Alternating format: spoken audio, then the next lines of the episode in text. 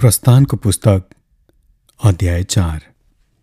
मुसाले भने यदि तिनीहरूले मलाई पत्याएनन् र मेरा कुरा नसुनी परमप्रभु तिमी कहाँ देखा पर्नुभएको होइन? भनेर जवाफ दिए भने के गर्ने? तब परमप्रभुले तिनलाई भन्नुभयो तेरो हातमा के छ? तिनले भने लट्ठी। परमप्रभुले भन्नुभयो त्यो भुइँमा फाल। मुसाले त्यो भुइँमा फालिदिए। र त्यो एउटा सर्प भयो र मुसा त्यसदेखि डराएर भागे। तब परमेश्वरले मुसालाई भन्नुभयो तेरो हात लम्काएर त्यसको पुच्छरमा समात। अनि मुसाले हात लम्काएर समाते र त्यो तिनको हातमा फेरि लट्ठी नै भइहाल्यो। परमप्रभुले भन्नुभयो तिनीहरूले तिनीहरूका पिता पुर्खाका परमेश्वर अर्थात् अब्राहमका परमेश्वर इसाहकका परमेश्वर र याकुबका परमेश्वर त कहाँ देखा पर्नुभएको हो रहेछ भनी तिनीहरूले यही कामबाट पत्याउन्। तब परमप्रभुले तिनलाई अझै यसो भन्नुभयो तेरो हात आफ्नो खास्टोभित्र हाल। तिनले आफ्नो हात खास्टोभित्र हाले र जब तिनले त्यो बाहिर निकाले तब त्यो कुष्ठरोग लागेर हिउँ जस्तै सेतो भएको रहेछ। उहाँले तिनलाई भन्नुभयो तेरो हात फेरि खास्टोभित्र हाल। तिनले फेरि आफ्नो हात खास्टोभित्र हाले र जब फेरि निकाले तब त्यो आफ्नो शरीरको अरू मासु जस्तै भइहाल्यो। तब परमेश्वरले भन्नुभयो तिनीहरूले तेरा कुरा पत्याएनन् र त्यो पहिलो चिन्हलाई वास्ता गरेनन् भने सायद तिनीहरूले पछिल्लो चिन्हलाई पत्याउनेछन्। तर तिनीहरूले यी दुवै चिन्हहरू पनि पत्याएनन्।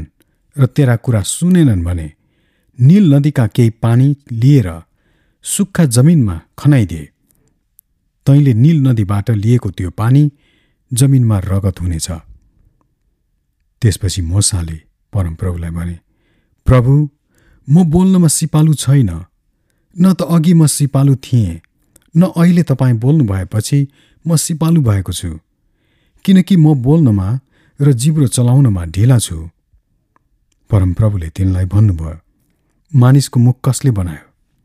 मानिसलाई लाटो वा बहिरो कि देख्ने वा अन्धो कसले बनाउँछ? के म परमप्रभुले नै होइन र?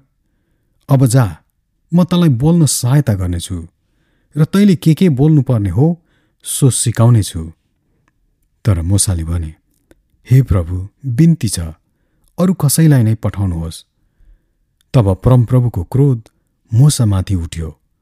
र उहाँले भन्नुभयो के लेबी हारुन तेरो दाजु छैन र?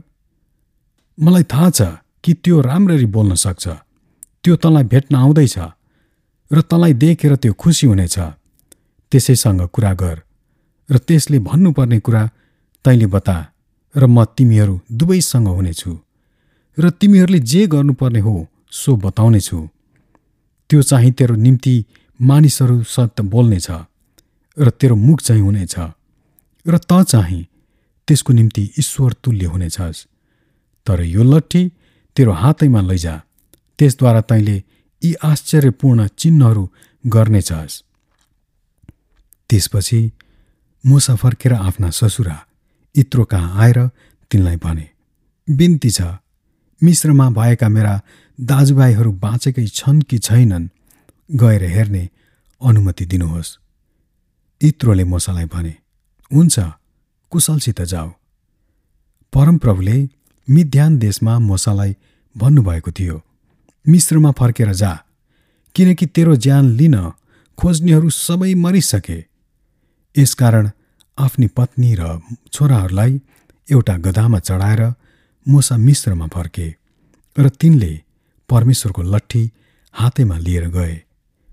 तब परमप्रभुले मोसालाई भन्नुभयो जब त मिश्रमा फर्कन्छस् तब मैले तेरो हातको शक्तिमा राखिदिएका सबै उदेकका कामहरू फारोको सामुन्ने गर।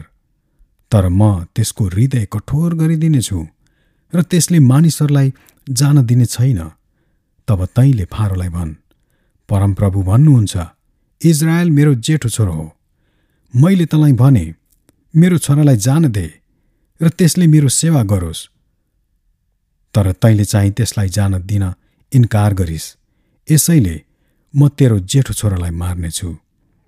अनि बाटोमा बास बस्ने ठाउँमा परमप्रभुले मोसालाई भेट्नुभयो र तिनलाई मार्ने इच्छा गर्नुभयो। तर सिप्पारोले एउटा चकमकको कर्द लिएर आफ्नो छोराको खलडी च्वाट्टै काटेर मोसाको खुट्टामा छुवाइन्। अनि तिनले भनिन् तपाईँ मेरो निम्ति रगतको दुलहा हुनुहुन्छ। यसैले परमप्रभुले तिनलाई छोडिदिनुभयो। तिनले खतनाको कारणले गर्दा भनेकी थिइन् तपाईँ रगतको दुलहा हुनुहुन्छ। परमप्रभुले हारुनलाई भन्नुभयो मोसालाई भेट्न उजाड स्थानतिर जा।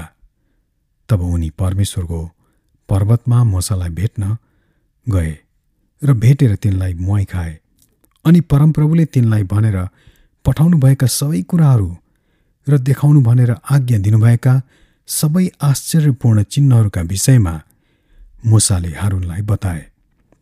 तब मोसा र हारुन गए र इजरायलीहरूका जम्मै धर्मगुरुहरूलाई जम्मा गरे अनि परमेश्वरले मोसालाई भन्नुभएका सबै कुराहरू हारुनले तिनीहरूलाई बताए।